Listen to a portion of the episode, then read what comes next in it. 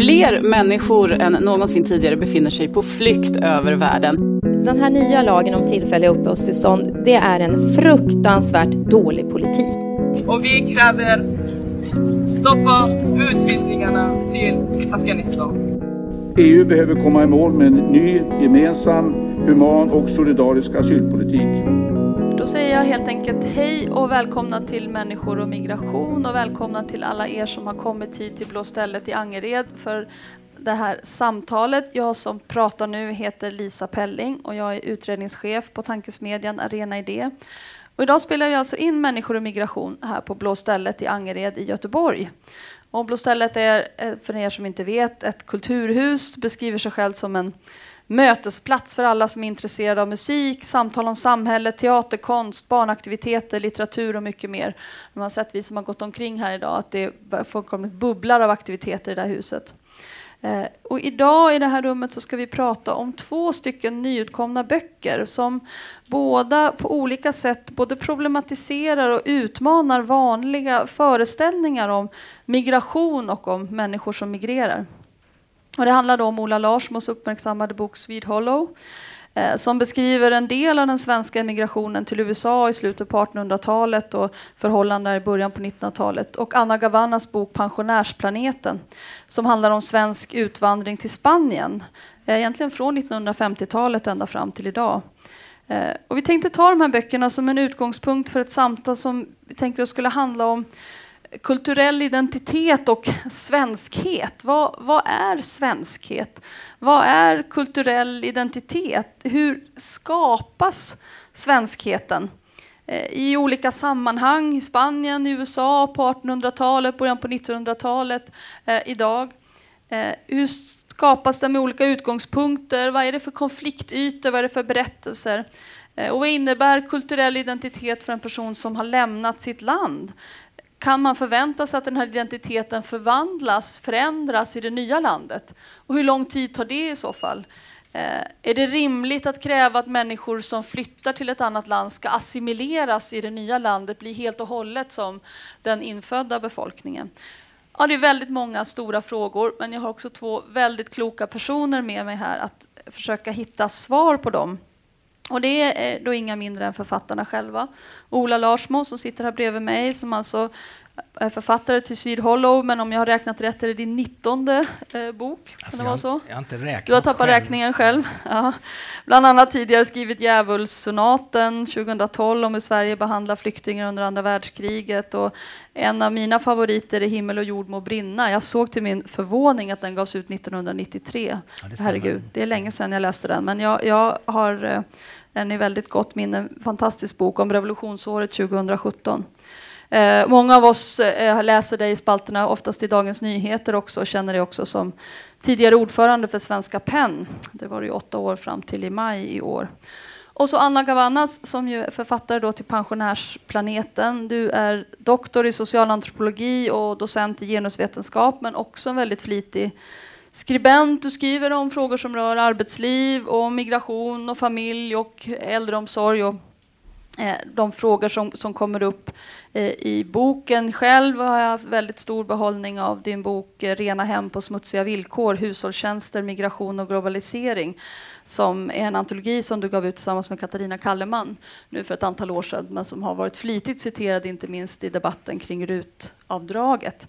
Men numera är du centralbyråkrat, ska jag påpeka, så du vill inte ha åsikter om konkret politik, det ska jag inte avkräva dig heller, som utredare för, vid eh, Myndigheten för vård och omsorgsanalys.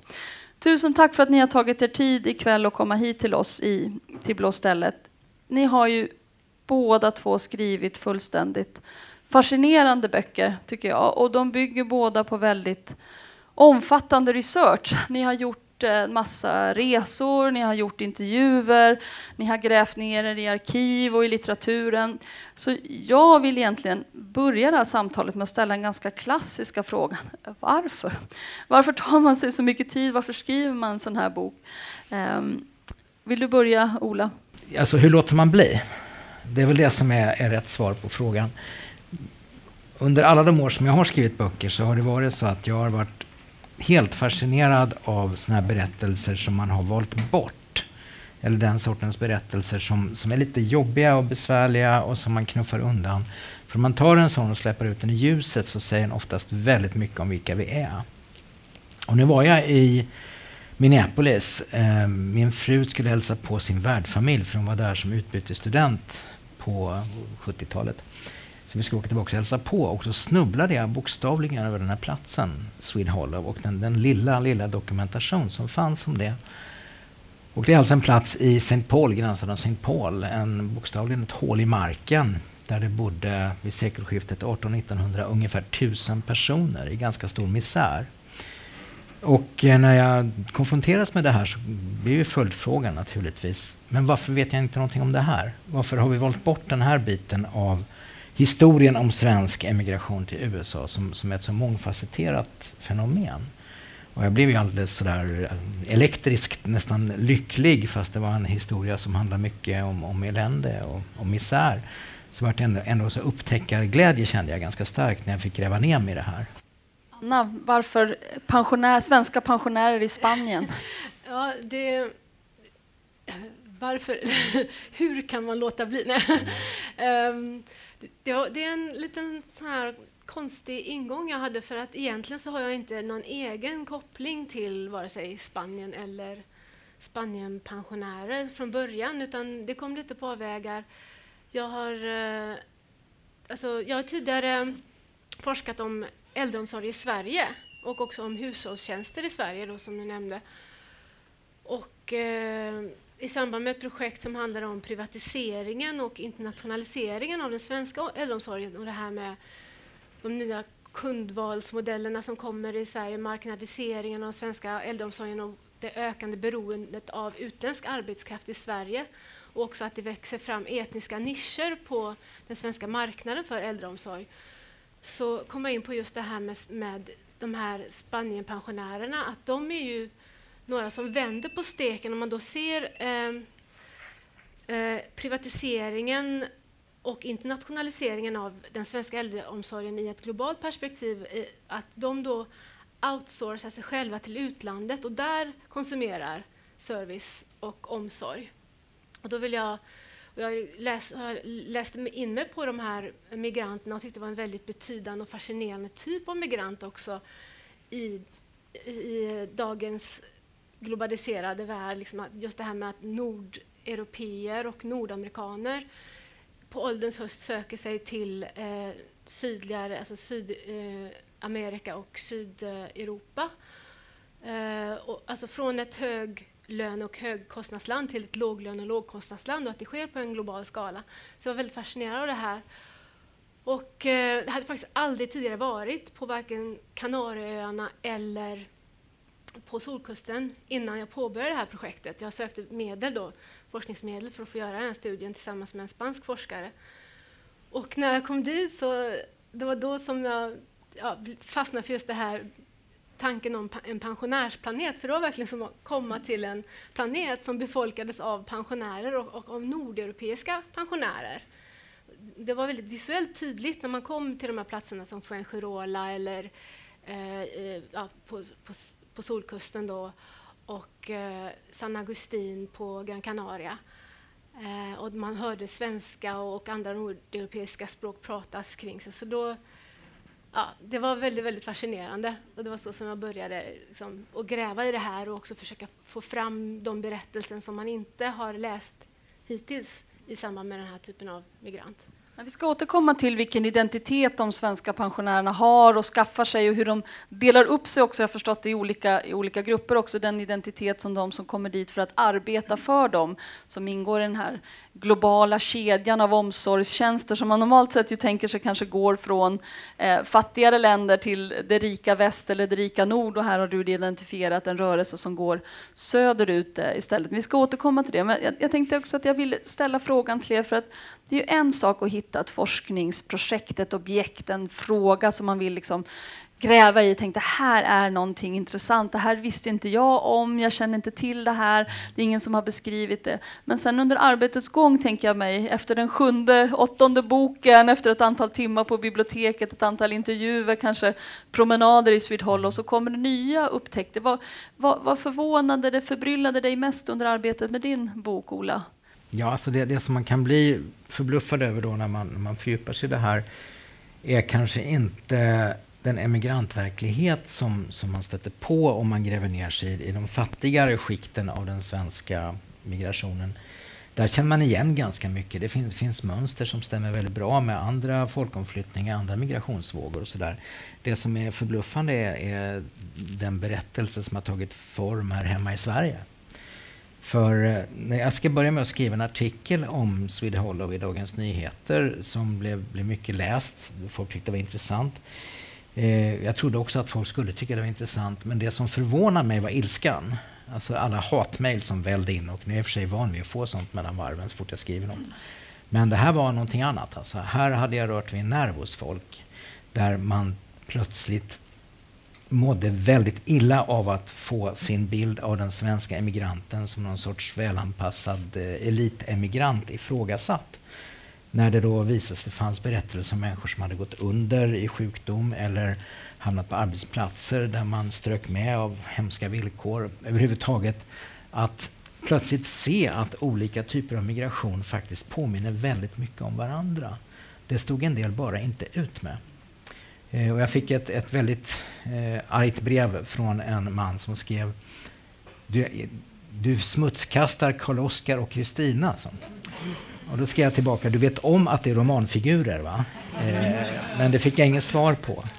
Eh, alltså, Vilhelm Mobergs böcker, det är inget fel De vänder sig i sin grav, Karl-Oskar och Kristina. De har, de har en grav, fast en fejkgrav borta i USA, va? för att det kom så många turister dit och ville titta på deras grav så de har fixat den. Men Moberg däremot var ju inte ute efter att skriva någon sorts eh, solskenshistoria om de ett, alltså elitemigranterna. Hans persongalleri är väldigt sammansatt av människor som ger sig av, av väldigt olika skäl från Sverige. Men vi har bara kristalliserat fram de här, det lyckade småbrukarparet som, som symbolerna. Och det där är mer hur vi har använt de här berättelserna och vad vi har valt bort. Och därför fanns det också en spänning i det här att lyfta upp det som vi har valt bort. Jag vill, gärna, eh, jag vill låta dig svara också på frågan, Anna, vad som förvånar dig. Men kan inte du eh, ansluta till det som Ola beskrev nu?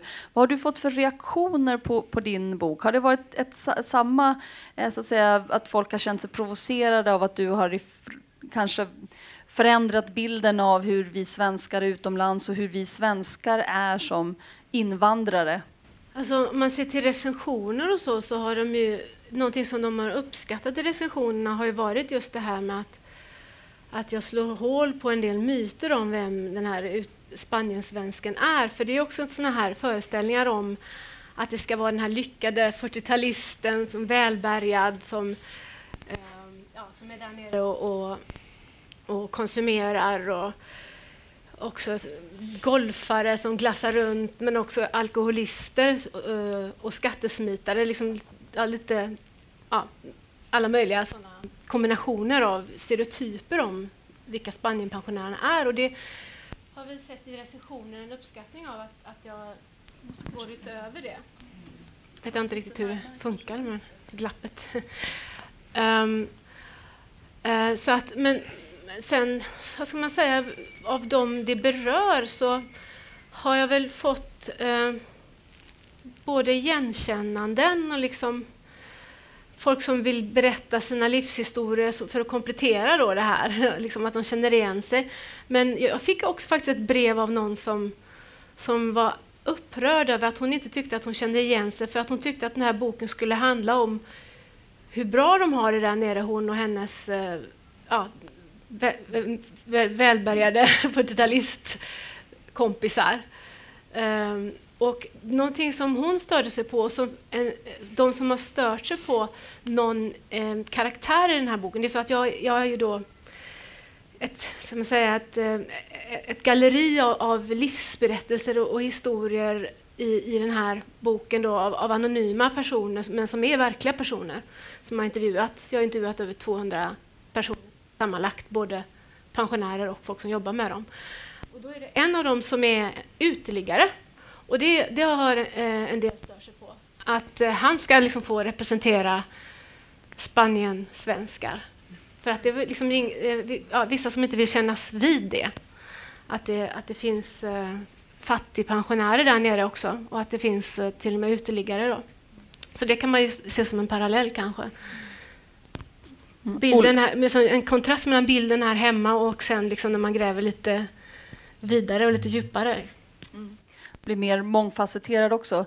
Vill du lägga till någonting där, Ola? En följdfråga till Anna. Jag tycker det är intressant det här att du har studerat det här, du har hittat exempel ur verkligheten, men så finns det människor som vill att du ska välja bort vissa delar av verkligheten för att skapa någon mer bild som man tycker ska vara representativ. Det är så det fungerar.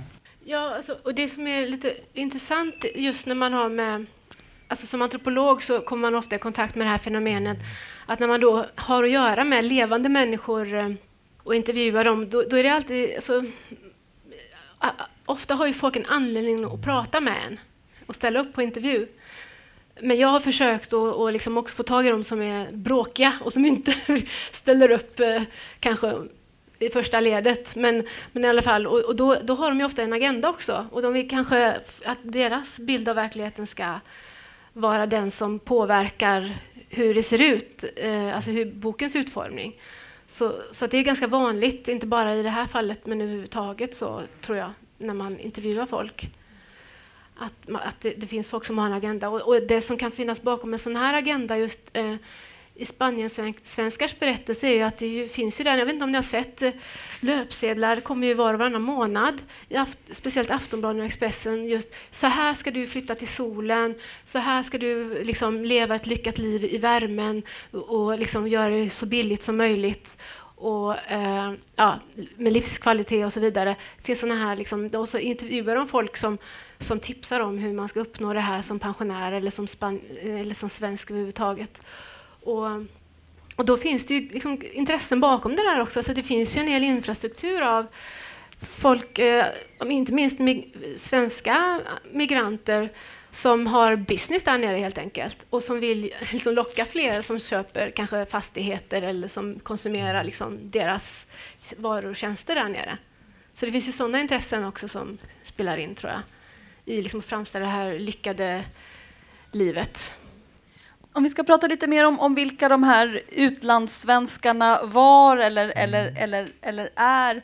Eh, de, de, som du studerar, eh, Ola, i Swede Hollow som hamnar i den här, som du säger, bokstavligen talat ett hål i marken mellan två vägar. De måste liksom klättra på trappor för att komma upp till den omgivande staden. De bor dragigt, kallt, eh, lerigt om sommaren. Det stinker i någon slags å som rinner igenom där. Hur, hur såg de på sig själva? De måste ju också haft en uppfattning om hur Amerikaemigranten är och hur en person från Sverige som utvandrat till det stora landet i väster förväntas vara. Och, och, och kanske om du säger någonting om hur de sågs på av det omkringliggande eh, samhället. Ja, hur många har timmar har vi titta? på oss? Eh, nej, så här är det väl att eh, när man talar om emigrationen så är det fortfarande Vilhelm Mobergs roman som färgar vår bild och det är absolut inte hans fel att han skrev en sån fantastiskt bra roman att den har ersatt verkligheten för många av oss. Men tittar man på emigrationen så sker de allra flesta som lämnar Sverige, de gör det inte vid 1850-talet som hans romangestalter utan i slutet av 1800-talet. Och det är alltså 1,3 miljoner till sist som ger sig av. Och den sista stora skvätten som ger sig av, de är inte småbönder från Småland, utan de är arbetarklass, de är stadsbor, de är tjänstefolk och de hamnar i städerna. Och ganska många kvinnor, till skillnad från många män som migrerade innan. Jag har förstått att det var många kvinnor som migrerade för att bli hembiträden ja. och den typen av arbeten också på slutet. Ja. Under några år på 1880-talet så är de i majoritet. Alltså ensamstående kvinnor som ger sig av är, är den största gruppen faktiskt. Eh, och eh, det finns en väldigt starkt emancipatorisk sida av det här. Alltså att väldigt stora delar av, av eh, det vi kallar för kvinnorörelsen får en viktig input från USA vid den här tiden. Och det är ett ämne, ämne i sig nästan. Men eh, det som händer då mot slutet av 1800-talet är att du väller in en mycket, mycket stor grupp människor från Sverige. De kan inte språket. De har ingen särskild utbildning. De har gått folkskolan, för det gjorde man i Sverige. Men eh, de tar de sämsta bostäderna, de tar de enklaste jobben, de eh, har inga större rättigheter på arbetsmarknaden. Och det här innebär att man då, de fattigaste, vi ska komma ihåg att det här är väldigt differentierat nu. Alltså varje emigration består av människor som lyckas jättebra och de som inte hittar fotfäste i det nya landet. Och tittar vi på den här senare gruppen bland svenskarna så utsätts de för väldigt starka fördomar från det omgivande samhället. Så man talar om svensken som, som korkad och dum för man har svårt att lära sig engelska. Man anses vara ohygienisk eh, och kriminell. Och vi känner igen allt det här. Eh, och vad som sen händer lite intressant att när man börjar prata lite bättre om svenskarna, de svenska immigranterna och de här stora gruppen, the unskilled labour som kommer. Eh, då, en bit sådär, när vi närmar oss 1900-talets början, då har de blivit lite bättre. De är fortfarande ganska korkade och har svårt med språket, men de är ganska hederliga. Va? Och det enda som har hänt egentligen, de har inte ändrat sin livsstil, de har inte fått sina villkor förändrade. Vad som har hänt är att det har kommit en mycket stor grupp italienare till de här regionerna, också till Swede Hollow flyttade in italienare. Och det är de som är jättekriminella och, och jättejobbiga att ha att göra med. Att följas av ryssarna som följs av judarna som följs av... Ja, Ja, den, den ordningen, senaste men, eh, ankomna gruppen är den som står längst ner på den sociala Ja. stegen, kan man, kan man säga så? Så är det och efter italienarna kommer slaverna. Va? Och sen när man till sist tömmer Sweden Hollow på 1950-talet och folk inte får bo där längre, då bor det 50 mexikaner i den här gruppen. Va? Så det, det är en sån här utbyteskedja och det verkar som att det nästan enda sättet, det här är grymt alltså, men nästan enda sättet att verkligen ta sig in i samhället, det är att du får stå på någon annan som kommer in under dig, för då åker du upp automatiskt ett hack så här. Va? va, vad, vad, kan man säga om de svenskar som lever på pensionärsplaneten och deras identitet? Hur identifierar de sig? Har de någon slags eh, idealbild av hur en svensk pensionär som flyttar till Solkusten ska vara och, och uppfattas kanske av omgivningen? Och hur stämmer den överens med de bilder som du ser? Och hur, ja, säg kanske gärna också någonting om, om det finns någonting att säga om hur de uppfattas av det omkringliggande samhället, eller så är det så att de inte eh, interagerar alls? Ja, det, det finns... Um, um, jag måste säga att um, en rad olika s- eh, sätt att närma sig de här bilderna av Spanienpensionärerna. Dels mm, utifrån Spanienpensionärerna själva då, hur de ser på sig själva som svenskar och som, eh, som invandrare, om man säger, i, i, eh, eller migranter i, i Spanien. Eh, och hur de ser på svenskar i Sverige. Ehm, där, där kan man säga att jag eh, upptäckte en slags kluvenhet som följer som en röd tråd genom hela boken. Just det här med att... Eh, för det första som hände när jag kom till den så kallade pensionärsplaneten, det var att jag blev hejdad av en herre som eh, ifrågasatte hela mitt projekt och undrade var det här verkligen seriöst, mitt projekt? För att det, det är så många som har skrivit om Spaniensvenskar och eh, om, om den här myten om Spaniensvenskar som finns i Sverige. Att eh, de vägrar integrera sig, att de bildar svenskkolonier, att de isolerar sig och att de, alltså, alltså, de är också kanske lite, så här, nästan lite korkade då, att de inte att de liksom inte kan eh, kommunicera med omvärlden och lära sig någonting om det omgivande samhället. Och ett, ett, ett slags krav också ifrån andra svenskar att man ska integrera sig.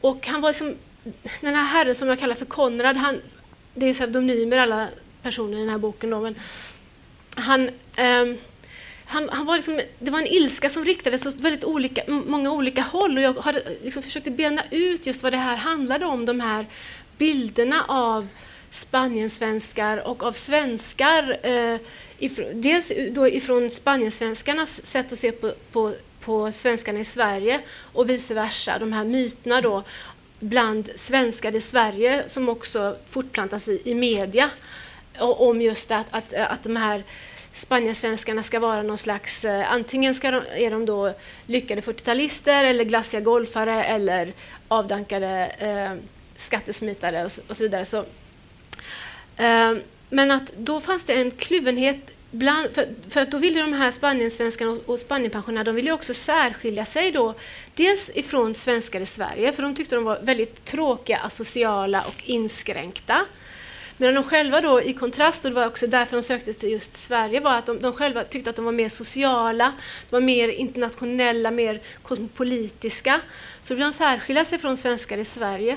Men sen så ville de också särskilja sig från svensk, svenskar i Spanien, alltså andra Spaniensvenskar, som de också tyckte var liksom alldeles för svenska.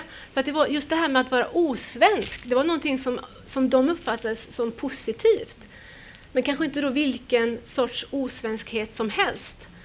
Men att, och då, liksom, då ville de inte kännas vid andra svenskar, de ville inte kännas vid att man skulle söka sig till någon slags lilla Sverige i Spanien. Och man skydde så här svenskföreningar som pesten för att just göra en markering att man är inte en sån här vulgoturist som ju, ja, det finns ju till exempel Sällskapsresan och liksom, det finns massor med eh, bilder och myter som florerar om just så här turistsvenskar som, som också har att göra med arbetarklassens massturism som man ma markerar emot, liksom det som har vuxit fram. Då.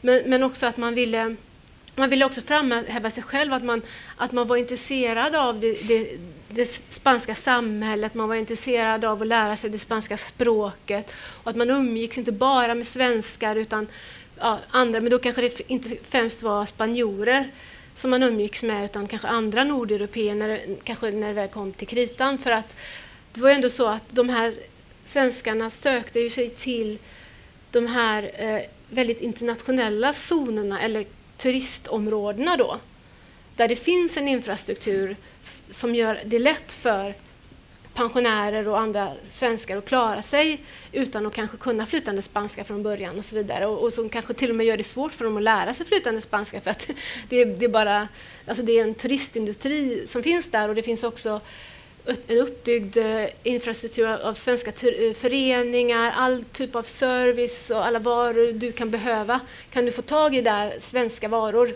Precis. Och, den, och, som en del i den här infrastrukturen finns också, som jag tycker du beskriver så intressant, även andra svenskar som jobbar åt de här pensionärerna som mäklare eller, man, eh, eller, eller inom omsorg eller på olika sätt liksom här deras hjälpande händer i, i Spanien. Så den ytterligare en annan sorts migration Precis. som följer den här pensionärsmigrationens kölvatten. Exakt, så att man kan säga att, att eh, spaniensvenskar är som en slags etnisk nisch på den här turistmarknaden, inom den här turistmarknaden.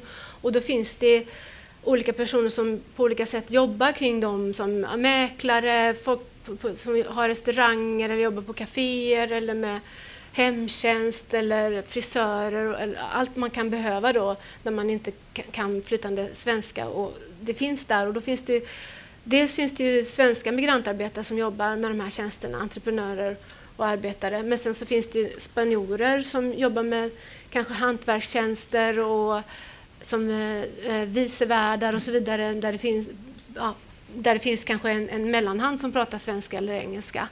Och sen så finns det också eh, sydamerikanska arbetare som jobbar kring svenskar. Och om man ser till hur de ser på svenska så, så är det också ytterligare en facett av liksom det här, nästan som en slags spegelhall. Liksom att, um, dels så ses svensken överhuvudtaget och ser sig själv som en, en önskvärd typ av migrant där nere jämfört med andra typer av migranter eftersom in, alltså de anses bidra med arbetstillfällen. De bidrar till ekonomin genom att konsumera, anses de göra. Eh, och överhuvudtaget konkurrerar inte med lokalbefolkningen om samma bostäder och arbetstillfällen. Så därför så anses de vara en, en, populär typ av migrant eller en del av turismen egentligen från, från spanjorers perspektiv. De ser ju egentligen de här långtidsturisterna som en del av turistindustrin. Eh, så, och, och, sen så anses de också svenskar bland eh, många av de arbetare och entreprenörer vi pratar med som eh, speciellt respektfulla och tacksamma som konsumenter och arbetsgivare jämfört med andra nationaliteter.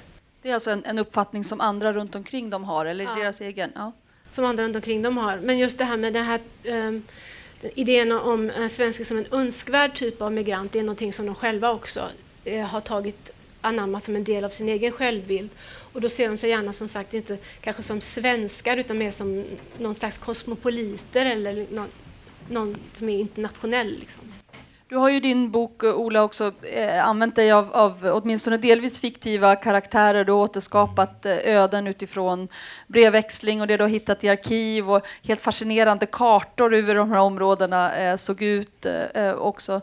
Va, vad kan du säga om, om, om deras identitet som svenskar och kanske någonting om vilket värde det kan ha haft för dem att identifiera sig som svenskar? Var det någonting som, som kan ha upplevts som värdefullt eller ville de så fort som möjligt bli som alla andra amerikaner eller eftersträvade de att misstas för en irländare eller misstas för en, en um, någon annan eh, invandrargrupp som hade, som hade kommit. Kan du, kan du säga någonting? Jag tänkte när jag hör Anna så, så hör du ju säga att du säger att de liksom distanserar sig från folk där hemma. De är, de är bättre och de är inte som andra svenskar utomlands utan de har en egen liksom, identitet. Vad, vad tror du att de här Swede Hollow-svenskarna hade för svensk identitet och vad hade det för värde för dem? Alltså det är ju en roman som du påpekade, alltså det, det är en fiktiv skildring Eh, Eh, delvis för att jag är romanförfattare men också därför att vi faktiskt inte vet hur de såg på sig själva. Det finns ingen dokumentation, de har inte skrivit någonting. Det finns en enda text av en svensk född som hade vuxit upp där, bevarad. Och han kunde själv inte prata svenska längre utan han skrev på engelska då. Så vi vet faktiskt väldigt lite om vilken, vilken diskussion som pågick kring detta. Man kan däremot titta lite på andra migranter. Eh, Göran Greider skrev ju en väldigt bra bok om Joe Hill eh, som kom för två år sedan som inte bara handlar om Joe Hill personligen utan om just de, de arbetarklassmigranterna från Sverige som hamnade i USA. Och till att börja med så tror jag att man har överskattat ganska ofta hemlängtan och svensk identitet på det sättet att man skulle liksom vara så väldigt eh, förtjust i detta att, att vara svensk i förskingringen. Det är nog ganska många som tvärtom ville lämna det gamla landet bakom sig som tyckte att det gick inte att komma vidare där utan nu får vi ta nya tag i det nya landet. Sen säger ju Göran Greider något väldigt bra i boken och han säger just det att svenska språket och svenska sedvänjor är det sista skyddsnätet som finns. Eh, och det känner vi också igen från andra migrationer att det är ganska självklart att man söker sig till människor som talar samma språk som man själv och som man begriper sig på något sånär. Och då blir det som de här enklaverna som en del tycker är, är, är, så förskräckliga att man sluter sig samman i vad man kallar för getton. Men det är nästan en naturlig följd av all migration att första generationen faktiskt behöver det stödet av människor som man kan faktiskt eh, umgås med och som kan hjälpa en till rätta. Va? Eh, vad man ser på de här svenskarna, de fattigaste svenskarna, för det finns som sagt hela skalan från folk som var jätterika i USA också ända ner till de som nästan alltså bokstavligen svalt ihjäl va, och dog i godsfinker och sådär. Eh, vad man kan se där är ju i ganska hög grad det här att första generationen kommer nog inte in i samhället. De kan ha svårigheter med språket, de har svårigheter att, att att ta sig fram på arbetsmarknaden som är rätt etniskt segregerad i USA. Så är du tysk, får du jobb på en tysk fabrik och så vidare. Eh, andra generationen lär sig språket, tar sig in i samhället, eh, är lite kluven i sin identitet, alltså har en så kallad bindestrecksidentitet. Tredje generationen förstår inte riktigt vad problemet var, men däremot är det kul det här med lutfisk till jul och sånt där. Och glögg och grejer. Och många av de här människorna i, i Minneapolis eh, och St. Paul som jag pratade med, de hade alltså aldrig hört talas om Swede Hollow. De visste inte vad det var. För man hade så totalt lyckats utradera det ur det gemensamma medvetandet att det fanns en slum där det bodde 700-800 svenskar i, i, ganska stor misär. Så det här var verkligen begravt. Va? Och eh, jag förstår varför. Den, den, typen av erfarenheter vill man lägga bakom sig. Va? Och minns man hellre de som faktiskt startade en fabrik eller en tidning och blev rika. Precis, och det, den minnet kanske inte upplevs ha något större värde. Man har kanske fäster större värde vid nybyggarhjältarna och de framgångsrika mm. företagarna och de som verkligen lyckades i USA och nådde framstående positioner. Kan, kan, kan du säga någonting, Anna, om, om, om du har ju eh, ganska långt liksom, tidsperspektiv i din bok. Om du liksom kastar tidsperspektivet lika långt framåt igen. Vad händer när det börjar uppstå andra och tredje generationens eh, solsvenskar i, i, i Spanien? Kommer de att, att fortsätta vara svenskar i någon mån eller kommer de att vara helt integrerade i det spanska samhället? Vad, Ja, det har ju som sagt pågått den här typen av migration sedan 50-talet och framåt. Jag har hittat en gammal bok av Yngve Lytkens som eh, som hette Solsemester på Teneriffa eller någonting sånt där. Och, och som, som beskriver liksom den här migration, just det här att svenskar söker sig ifrån kylan och till värmen under Spaniens sol. Och det har ju då gått i arv från flera generationer. Jag, jag träffade ju eh, personer som, som ha, deras eh, eh boende hade gått i arv då eh, ifrån, eh, ja, ifrån de här tidiga generationerna av Spaniensvenskar. Så att eh, deras föräldrar eh, och kanske till och med far och morföräldrar var då Spanienpensionärer och sen så växte de upp med att hälsa på då de, sina föräldrar och sen så tog de själva över det här boendet och med sikte på att själva bli Spanienpensionärer. Men ofta så är det ju, de, alltså majoriteten av de här Spanienpensionärerna är ju eh, säsongsboende och eh, från en väldigt, väldigt stor mångfald av bakgrunder. Uh, så att, uh, så att då, med säsongsboende så menas uh, då att de, de, helt enkelt pendlar mellan Spanien och Sverige. De bor där i Spanien på, på vintrarna och så åker de tillbaka till Sverige på somrarna. Och, och håller kontakten då med eh, kanske barn och barnbarn i Sverige. Och det ju, har ju blivit enklare och enklare att göra nu i och med att vi har ju Skype, vi har lågprisflyg, vi har EU-regler som gör allting mycket enklare. Så um, så det är en annan typ, alltså de, de eh, svenska emigranter som Ola pratar om, de, de pendlar ju knappast till, till Sverige om man säger. Det fanns ju ingen Ryanair liksom, någonting för en hundring och, och liksom chippa hem sådär eh, över en helg och hälsa på barn och barnbarn. Så, att, så att det är en helt annan situation nu och, och som har förändrats också sedan 50-talet och framåt. Men sen när det gäller då de som arbetar där nere, så svenska migrantarbetare. Det, det, är lite intressant att jämföra med det som Ola berättar om för att eh, vad ska man säga, alltså, de, många av dem delar det här med eh, Spanienpensionärer, att de söker sig till någonting som de ser som en, eh, en slags livskvalitet. Just det här liksom att eh, liv under solen, att man kan vara ute året runt och att man liksom, en slags äventyrlighet, man kanske vill starta om, man, man eh, vill sadla om, kanske från ett tråkigt liv, yrkesliv där hemma. Um, och så, men sen så kanske man inte stiger i liksom, graderna på det sättet som, som du beskriver, eh, de som du skriver om, utan mer att man faktiskt gör en klassresa neråt. För att eh, man lämnar ju en, en slags trygghet i Sverige just med, alltså när det gäller till exempel hur arbetsmarknaden ser ut i Sverige jämfört med hur den ser ut i Spanien. Så, och också hur de rättigheter man har i den svenska välfärdsstaten jämfört med de som man har i, i den spanska välfärdsstaten. Som, som är alltså väldigt, alltså, li, alltså, inte lika generös och utbyggd som den svenska, trots att den svenska ju faktiskt krymper. Så är det ändå en stor skillnad. Och det var något som förvånade mig också, just det här att den svenska välfärdsstaten fortfarande har, och den tillkom ju efter mm. dina... Kanske på grund av, ska jag säga. Ja, okay, ja. Och att det, liksom, det är ändå någonting som fortfarande har en betydelse för de här Spaniensvenskarna, både de svenska migrantarbetarna som kanske har arbetat ett helt liv där, men sen så kanske de inte väljer att bli Spanienpensionär nere i Spanien fastän de pratar flytande svenska och har släktingar i Spanien. Eh, och kanske har familjeanknytning där så kanske de ändå väljer att flytta tillbaka till den svenska så kallade tryggheten. För den kan bli viktig när, när liksom man hamnar i ett skede i ett liv, ens liv. Att man, och samma gäller då svenska pensionärerna. Att när man inte längre klarar sig själv och är oberoende eh, fysiskt och, och, ekonomiskt oberoende och, och, inte klarar sin vardag själv, då kanske man med eller mot sin vilja flytta tillbaka till Sverige för att det kan vara svårt att klara sig nere i Spanien när det gäller den spanska äldreomsorgen.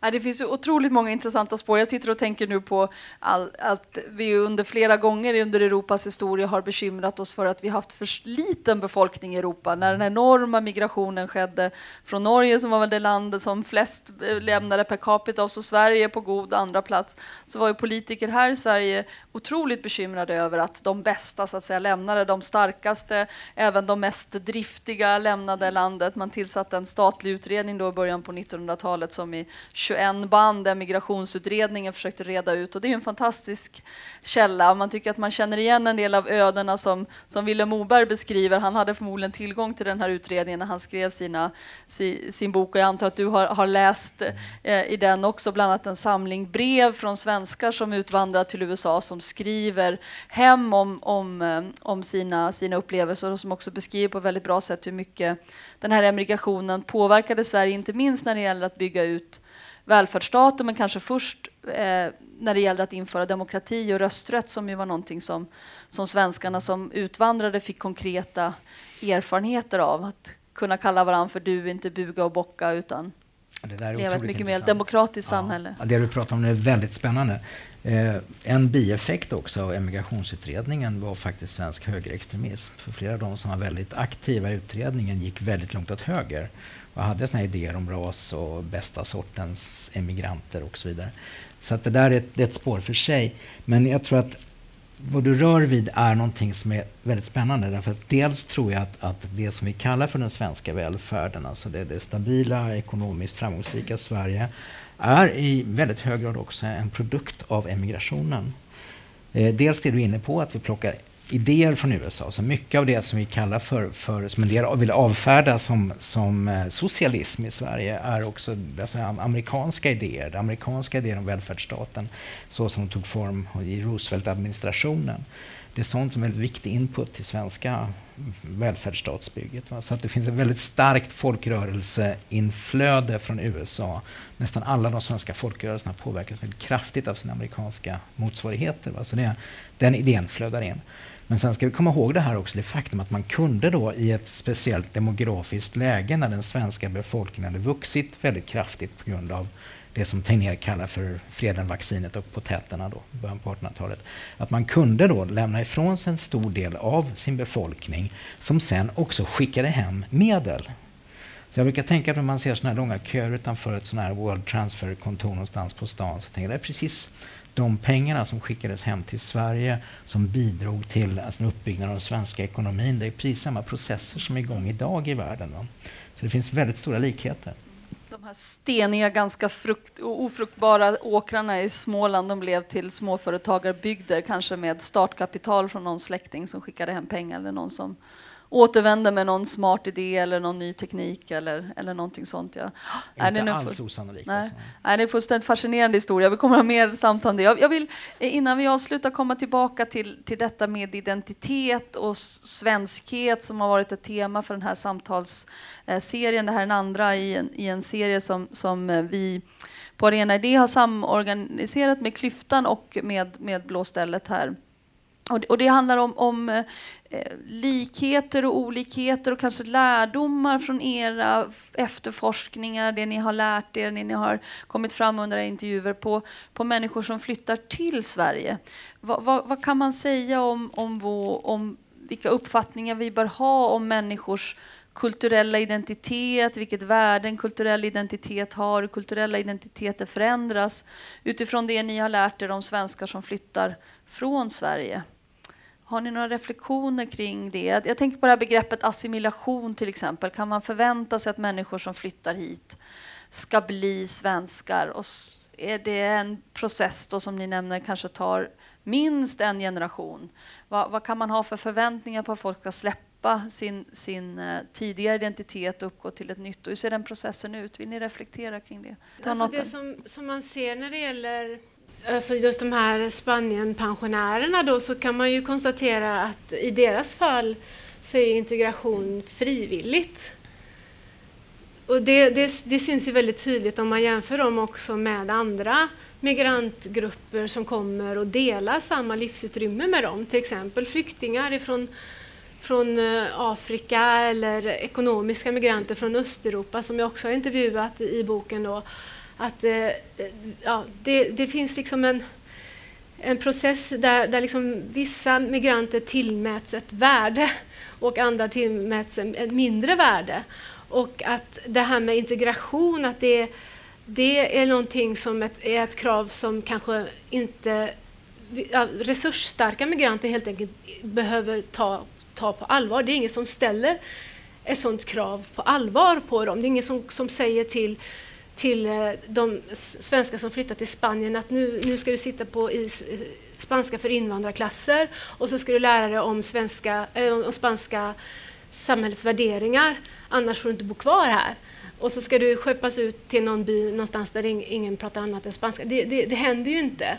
Utan det här är ju någonting som är, bygger på frivillighet och också då ett, ett frivilligt intresse för det spanska samhället och, eh, och att umgås med eh, spanjorer och prata med spanjorer.